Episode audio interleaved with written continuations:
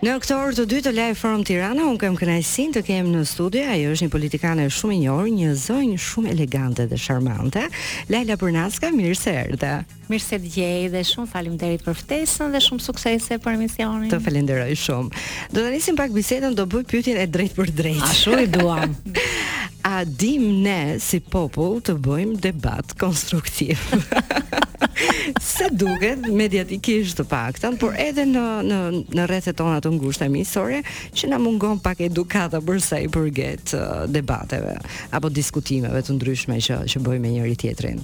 Jo, kjo është e saktë dhe shumë mirë që e keni kapur si si çështje për për ta diskutuar Dhe ne si popull në shumë aspekte hall i madh mbetëm. Mm, e vërtetë. Dhe mm, sigurisht me gjithë përpjekjet tona dhe me gjithë vlerat që bartim edhe si si shoqëri kemi ende boshllëqe. Boshllëqe që ka shumë nevojë që të, të shpenzojmë të gjithë bashkë energji dhe në një kombinim brezash. Ëh, mm -hmm. uh, për ta çuar drejt asaj drejt atij niveli, drejt atij standardi që unë besoj që ne mund ta arrijmë, që i kemi të gjitha mundësitë, kapacitetet, aftësitë për ta arritur një nivel komunikimi sa më të shëndetshëm, mm -hmm. se konstruktiv në këndvështrimin për shembull edhe shëndetësor, do të thotë ish dhe edhe i shëndetshëm. Edhe i shëndetshëm, sigurisht. edhe i dobishëm, edhe që të jep një energji pozitive. sepse ne jemi sa qenie fizike, aq edhe qenie psikologjike, aq edhe qenie sociale. Dhe të tre këto element që të funksionojnë në një ekuilibër ë vërtet të duhur, duhet që të të ndërthuren dhe të plotësojnë njëri-tjetrin sa më mhm. mirë për t'i shërbyer mm -hmm dhe vetë ekzistencës tonë si pjesë e kësaj shoqërie, se ne jemi individët dhe të gjithë bashkë ne bëjmë shoqërinë. Qoftë se ne kemi deficencat tona, duke filluar që brenda vetes, ke komunikimi që është themeli që na nxjerr. Çfarë na dallon nga nga nga, nga bota shtazore. Kjo është komunikimi, domethënë thelbi, mm -hmm. edhe që sigurisht bazohet në anën fiziologjike e biologjike të zhvillimit të trurit dhe në këtë aspekt pastaj ndërthuren elementë të tjerë që janë edukimi që në fëmijëri, në familje. Mm -hmm.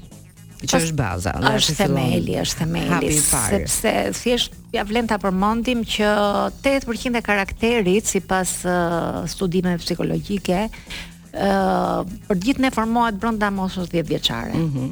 20% që është në ecurinë e viteve që në maturimin deri 18-20 vjeç që quhemi adult, ë uh, uh, pritshmëria është që të jetë formuar karakteri i individit. Dhe mm, brenda formimit të karakterit futen dhe elementet e kulturës, e edukimit dhe të komunikimit. Lidhet patjetër edhe roli i shkollës, po dhe roli i komunitetit, kështu që janë hallka zinxhir, njëra pas tjetrës, që të gjitha bashkë kur kanë një ecuri dhe një ritëm normal, japin një produkt final normal që ti të kesh atë etikën e duhur të komunikimit mm -hmm. si individ. Dhe nuk e di pse po ne jemi të jashtëzakonshëm për të justifikuar tonalitetet tona apo mos durimin në komunikim, se themi jemi ballkanas, na zien gjaku, por do ta vazhdojmë të bisedojmë nëse vlen apo jo, apo është thjesht një justifikim për të marrë veten me të mirë për ta justifikuar. Fillimisht do të shkojmë tek një këngë dhe një artiste e jashtëzakonshme, është LP me këngën e saj më të fundit Mean Streak. Mirë, unë vazhdoj të jem në studio me zonjën Lajla Përnaska dhe e lamë pak tek justifikimet që gjejmë ne në lidhje me komunikimin. Edhe kjo është çështje karakteri. Edhe kjo është çështje karakteri. Patjetër. Po ne edhe si qenie kemi pjesën tonë të të dukshme të natyrës. Mm -hmm. Tonë njerëzore dhe kemi edhe atë që njifet si dark side, si pjesa e errët Po. Ë që që fëmijë mundohemi ta mbajmë të mçeftë dhe pastaj në mënyrën se si kultivohemi si si individ, arrim gjejmë atë ekuilibrin që ke të tjerët, të shfaqim gjithmonë pjesën sa më pozitive, sepse ti çfarë jep edhe merr. Po. Mu pëlqen shumë termi që ne kemi në shqip, nuk e gjej në gjuhë të tjera, marrëdhënie. Ëh. Mm -hmm. Ne marrim dhe japim në në komunikim, në raport me njëri tjetrin, kështu që çfarë jep normalisht do marrësh. Dhe qoftë se arrim në këtë lloj ekuilibri si anëtarë të një shoqërie ose të një komuniteti, atëherë jemi në një standard të mirë, uh, edhe të komunikimit, mm -hmm. edhe të, të raportit, edhe të marrëdhënieve tona. Tani unë mendoj, por dua të ta bëj edhe ty si pyetje, që e gjithë kjo prishje në për sa i përket debatit, sepse ne në radhë të parë duhet të kuptojmë që një, kur diskutojmë për një gjë, jo të gjithë kanë të njëjtin mendim dhe secili ka të drejtën të shprehet. Patjetër. Dhe nuk po- do të thotë që unë kam të drejtë dhe ju jo. Jemi të gjithë uh, unikë në llojin tonë. Çfarë ka ndodhur me kalimin e viteve në në Shqipëri? Se duket sikur politika ka luajtur dhe vazhdon të luajë një rol jo pozitiv për sa i përket përderisa ne çdo ditë në media shohim politikanët që kanë një komunikim jo jo të mirë me njëri tjetrin. Uh, kjo është shumë e saktë dhe është fakt që është provuar në ecurinë e gjithë këtyre viteve sepse ne sot kemi një lloj pozicioni disi më komod edhe në këtë bisedë që po bëjmë. Ne kemi faktorin kohë që ka kaluar pak në 30 vitet e tranzicionit dhe na jep mundësi që të shohim ecurinë e gjërave dhe të marrim të dhëna se si ka evoluar edhe vetë politika dhe në tërësi zhvillimi i shoqërisë. Po fakti që këtu klasa politike gjithmonë e më shumë u largua nga standardet bazë të demokracisë dhe të një funksionimi demokratik që brenda partive politike, se aty fillon në mënyrën si organizohen, si drejtohen, si funksionojnë dhe ka kaluar pothuajse totalisht në autokraci, ne sot s'kemi parti politike, ne sot kemi individë dhe partitë identifikohen me, me kryetarët. Ë sepse kshu i ngritën, dhe kshu i duan dhe vazhdojnë të tentojnë t'i mbajnë sepse me këtë format të autokracisë dhe të zhdukjes demokracisë çfarë bënë fituan një pushtet absolut 4-5 persona që quhen kryetarë partish mm -hmm. ose liderë partish dhe kjo lloj kulture uh, pak nga pak filloi të të përcillet edhe jashtë strukturave të partive, Edhe jo, jo vetëm brenda gjithë hierarkisë që ka partia, nga baza lart ose anasjelltas, por edhe në media. Dhe uh, mënyra e komunikimit në media uh, aktualisht për mua lë shumë për të dëshiruar sepse ka kultivuar dhe mbështet shumë arrogancën, mbështet uh, një komunikim aspak konstruktiv ku ka një format shumë primitiv shumë bazik dhe aspak të uh, intelektual ose profesional me sharje dhe kundërsharje, mm -hmm. me akuza me kundërakuza. Domethënë, është uh, aq primitiv e, edhe leksiku, edhe, edhe zhargoni i përdorur, edhe uh, modeli që përsëritet nga njëra media ke tjetra, nga njëri emision ke tjetri, Çdo natë është e njëjta gjë që rrotullohet dhe këtu ka ngecur në një qerthull vicioz, nga e cila uh, do vërtet një një energji shumë pozitive dhe një vizion krejt ndryshe në radhë të parë të të bërit politik mm -hmm. dhe pastaj të komunikimit të vetë uh, kësaj klase politike me qytetarin, që në fund fundit ai është roli që duhet të ketë politika. Dhe ajo është gjëja më e rëndësishme. Kjo gjë këtu ka humbur, Dhe kemi këtë lloj realiteti që ë mënyra se si zhvillohet debati, sidomos politik, ashtu siç e përmendëm, thjesht me akuza dhe kundër akuza, secila palë akuzon tjetrën për të njëjtat gjëra, ti vodhe, unë s'vodha, ti i korruptuar, unë më pak i korruptuar, domethënë është është e, vërtet një një nivel për të ardhur keq ku ku kemi ngecur. Dhe uh, kjo pastaj arroganca dhe, dhe debati toksik që mund mhm. ta quajmë po. shpesh herë me të drejtë në këtë rast. Përcillet, përcillet edhe në shoqëri, përcillet dhe te dëgjuesi. Ëm um, mua më vjen shumë keq dhe ndihem keq, sidomos për brezat e rinj që janë më të zbuluar, që mund të afektohen më kollaj dhe që mm, drejtohen nga shembuj jo të duhur, apo jo pozitivë, po. jo, mund të bien viktima të të këtyre realiteteve për të marrë një një uh, kultivim për veten e tyre jo të saktë ose të, të deformuar në disa aspekte. Kështu që është është një problem madhor, mendoj që ia vlen, ia vlen të të trajtohet me me shumë, me shumë kujdes. Përpara se të pyes se si uh, mund të diskutojmë duke qenë korrekt pa cënuar dikë tjetër që kemi përballë, dua të të pyes pak për Big Brother tani, sepse është um, Big Brother VIP 3 që Po, po, po, çështje e ditës. Çështje e ditës kudo që shkon do dëgjosh, por në lidhje me debatet, si po i sheh ti vajzat edhe djemtë brenda shtëpisë?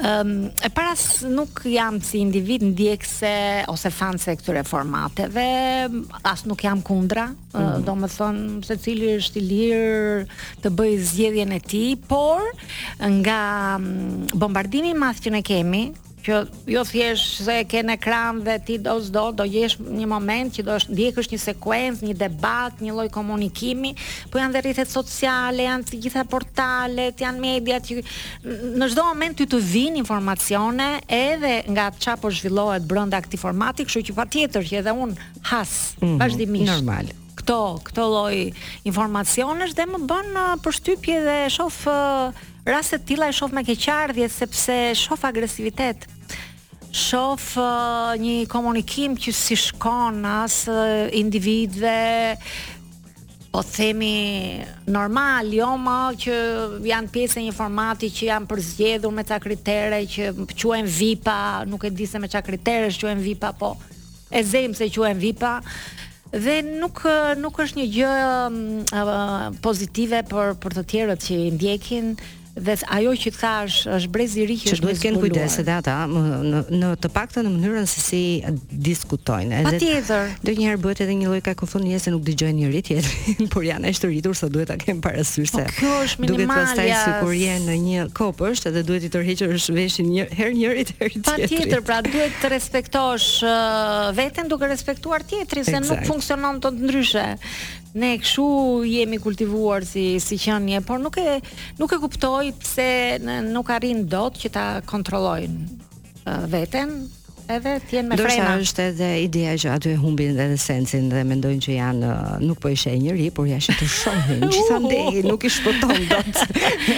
jo vetëm që shihen non stop, po bëhet tërkuza ajo tirret se kalon nga rrjetet sociale, nga një faqe ke tjetra, nga një... Hy, sa shumë shpërndahet, në, në, më shumë, në se, në sekundë shpërndahet. Jemi në, në një botë uh, krejt tjetër sot, dhe teknologjia ka bërë që ne gjithmonë më shumë ta kemi të pamundur ta ndjekim ritmin edhe të komunikimit. Mm -hmm. Sidomos në në uh, këtë pjesën online ose edhe në pjesën virtuale. Prandaj do shumë më tepër kujdes, do shumë më tepër vëmendje. Jam dakord me ty.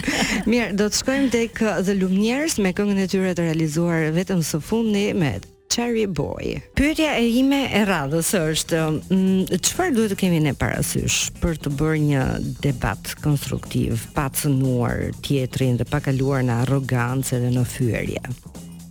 Po ka disa parime bazë, me cilat ne besoj të, të gjithë jemi të informuar, edhe në qoftë se s'kemi arrit të edukohemi, t'i absorbojmë për vete që mos u sill me tjetrin ashtu si nuk do doje që tjetri të silleshe me ty, mos i bëj tjetrit ato që s'do doje. Këtë na kanë thënë që gjyshërit tanë, jo jo thjesht prindrit apo ne e, e, e kemi përcjell si prindër, por që është themeli është ke, ke karakteri uh, individit dhe ke trysnia e shoqërisë ose mm. komunitetit ku individi jeton në rrethana të caktuara, në një kohë të caktuar. Të gjitha ndikojnë dhe në qoftë se ky lloj fenomeni fillon prek që në moshat e hershme kur uh, Akoma individi ka shumë nevojë që të vazhdojë edukimin dhe kultivimin, po themi para të njëzetave, para maturisë, 18 vjeçit që kemi atë kufirin ligjor ne dhe quajmë uh, veten adult. Ëm um, aq aq domethën uh, më më e vështirë bëhet gjëja kur uh, kanë këtë lloj trysnie dhe kur kanë një mjedis qoftë shoqëror, qoftë mediatik, që e prekëm pak dhe në tërësi kult kulturor që um, i mëshon kësaj ane që e, e gjeneron uh, komunikimin jo konstruktiv dhe në një farë mënyre mund të biesh dhe viktimë mm. në situata të caktuara dhe do të duhet të punosh shumë më tepër me veten pastaj.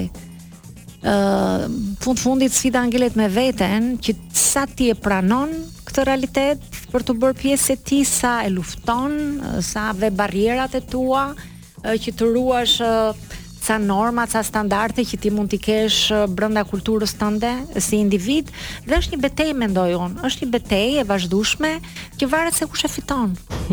Varet se kush e fiton, nuk është e lehtë. Tani, e gjithë kjo Dua ta nisim pak nga fëmijëria dhe nga familja, sepse aty nis çdo gjë dhe më kujtohet gjithmonë gjyshja ime ka pasur një shprehje që fëmijës vërtet i jep lugën e parë kur e ushqen, por duhet ta ushqesh edhe mendërisht dhe shpirtërisht, jo vetëm Absolutisht e vërtetë. me ushqimin fizik që A, është gjyshe, tikona. e vërtetë. Në breza. Por duket sikur edhe kjo um, mënyrë prindërimi, po edhe gjithmonë prindrit um, bëhen si një tabelë ku fillojnë edhe kanë ankesa fëmijët rast dhe kjo mm -hmm. nuk do ndryshojë, kam përshtypjen, por në këtë rast uh, ka ndryshuar çdo gjë, sepse prindrit nuk kanë më kohë, ka marrë një vrull tjetër jeta dhe shohim fenomene tek prindrit që atë pak kohë që kanë, jo të gjithë, ose nuk dua të përgjithësoj, por një pjesë po. që gjëja e parë që bëjnë kur janë përballë fëmijëve të tyre i japin një iPad, një telefon uh, inteligjent në dorë që të paktën kam nevojë për pak qetësi. Dhe që këtu fillon një problem serioz. A kjo është pastaj të ta vrasësh fëmijën psikologjikisht, qoftse do përdorim një term kështu troç fare, mm -hmm. edhe të drejtpërdrejtë, sepse ça ndodh, në qoftse ti fëmijës që kjo ndodh, fatkeqësisht rëndom dhe e kemi parë edhe në ato uh, ambientet rrotull nesh në miqësitë, farefiset tona që ka ndodhur uh, raste të tilla madje që në moshë fare të hershme kur fëmija ka absolutisht nevojë që të jetë në një komunikim intensiv, që para se të mushi një vjeç, fillon komunikimi, fillojnë bëlbëzimet, pastaj rrokjet e para, lidhja e fjalëve dhe mamat do ta them ashtu siç e mendoj injorante, ëh mm -hmm. uh, se është radhë parë përgjegjësi e mamave, Po dhe baballarët të kanë kanë pjesën e vet. Sigurisht. Po besoj se kanë një një pesëshik më të madhe mamat në në këtë lloj situate, i japin në një iPad ose një celular në dorë dhe e lejnë ose i vënë një film të moshës tyre me kukla në televizor dhe e lejnë gjithë kohën ose një shumë një pjesë të mirë të kohës fëmijën e vogël në këtë lloj bote që atë izolon dhe ai ndërpret komunikimin me realitetin ku jeton, ku ai bën pjesë. Dhe këto sjellin pastaj deficienca psikologjike, çrregullime psikologjike që nuk kalojnë në asnjë mënyrë qoftse nuk trajtohen sa më herët nga psikologët, nga terapistët, sepse goditet direkt direkt zhvillimi psikologjik i fëmijës. Mm -hmm. Që uh, normalisht shkon paralel me zhvillimin fizik. Uh, fëmija që në lindje dhe në gjithë ecurinë përfshi dhe adoleshencës ka një bum rritje. Se ne si si si qenie në atë periudhë kemi një bum shumë të madh rritje dhe zhvillimi, adoleshenca është piku, që janë dhe ndryshimet po. fiziologjike hormonale, derisa trupi merr një një formë shumë më të strukturuar dhe më më të maturuar, kështu që ajo grupmoshë është në një risk shumë të lartë edhe në këtë situatë që flasim dhe apeli që do t'i përcjellim mendoj unë edhe mm -hmm. nëpërmjet këtij emisioni është që Prindërit e rinj ose prindërit që janë me me me fëmijë të vegjël uh, dhe që uh, merren me me këto grupmosha duhet në mënyrë absolute të mos i fusin pikërisht ke kjo lloj ske, skeme që t'i japin ata iPadin dorë ose një celular dorë dhe ta lejnë fëmijën për pas pak qetësi për vete. është vërtet jashtëzakonisht e rrezikshme. Atë këtu fillon dhe pastaj kur rriten dhe ne nuk e kuptojmë, kuptojmë që kemi një të ri apo të re që nuk di të komunikojë, është i mbyllur brenda në vete dhe në momentet e shpërthimit të një debati atëherë del uh, situata jashtë kontrollit. Absolutisht po, sepse uh, kjo e izolon fëmin. Po ne si si qenie dhe natyra jonë nje njerëzore është një një natyrë që zhvillohet në komunikim. Ne jemi qenie sociale, ne nuk jetojmë dot të izoluar. Po të kaloj në një aspekt tjetër, ë uh, thjesht për për të ta bërë çik më me shembuj konkretë debatin, diskutimin, Ne pamë që vetëm një situatë që ishte paprecedent për ne, siç ishte pandemia, Tamam. që detyrimisht na izoloi, u fut karantina dhe kaluam shumë më tepër kohë ndryshe nga jeta jonë normale, edhe nga çka kishim menduar, e di kë ka një nga pasojat më më të rënda post pandemi? Mm -hmm. Depresioni. Depresioni. Ankthi. Normal. Ë uh, çrregullimet e shëndetit mendor. Dhe ke individë të rritur, ë ka dhënë këto efekte. Sigurisht. Kjo lloj situate, izolimi, sepse uh, pa diskutim që ajo ndikon, por ke fëmija, afektimi që ndodh është shumë herë më i madh. Unë dua të të falenderoj, kemi ardhur në fund të kohës. Kaq shpejt më shpejt më. Megjithatë, nuk i thamë gjitha. E di, por do kemi mundësi për t'u takuar sërish edhe për të folur për këto tema që janë shumë thelbësore dhe që duhet të bëjmë një ndryshim nëse duam që gjërat të rregullohen tek ne dhe pastaj tek njerëzit që kemi rreth e qark. Ju bravo që i bëni këto lloj emisionesh. Ky lloj apeli duhet shkojë për gjithë mediat, sidomos për formatet e prime time-it, që janë debatet e, e darkës, ku e ka mbytur politika dhe e, ia ka e ka zënë për fyti mm. komunikimin e medias me qytetarin duke e shkëputur pikërisht rolin e medias për të përcjellë ke qytetari ato që janë vërtet në interes të tij, çështjet që kanë interes publik dhe kjo çështje që ne sapo prekëm është një çështje që na intereson të gjithëve dhe që duhet trajtuar për të pasur sa më shumë edhe këndvështrime dhe sa më shumë impenjim të të secilit nga ne jo vetëm të profesionistëve, jo vetëm të drejtuesve, të politikanëve, po të të cilitdo nga ne, në, në rolin që kemi si qytetar, si prindër, ë uh, si miq për të dhënë uh, pjesën tonë të kontributit dhe të fillojmë ta ndryshojmë këtë realitet. Kemi nevojë ta bëjmë këtë gjë. E vërtetë. Të falenderoj shumë. Faleminderit. Ne do të shkojmë në pak publicitet dhe rikthehemi sërish në Live from Tirana.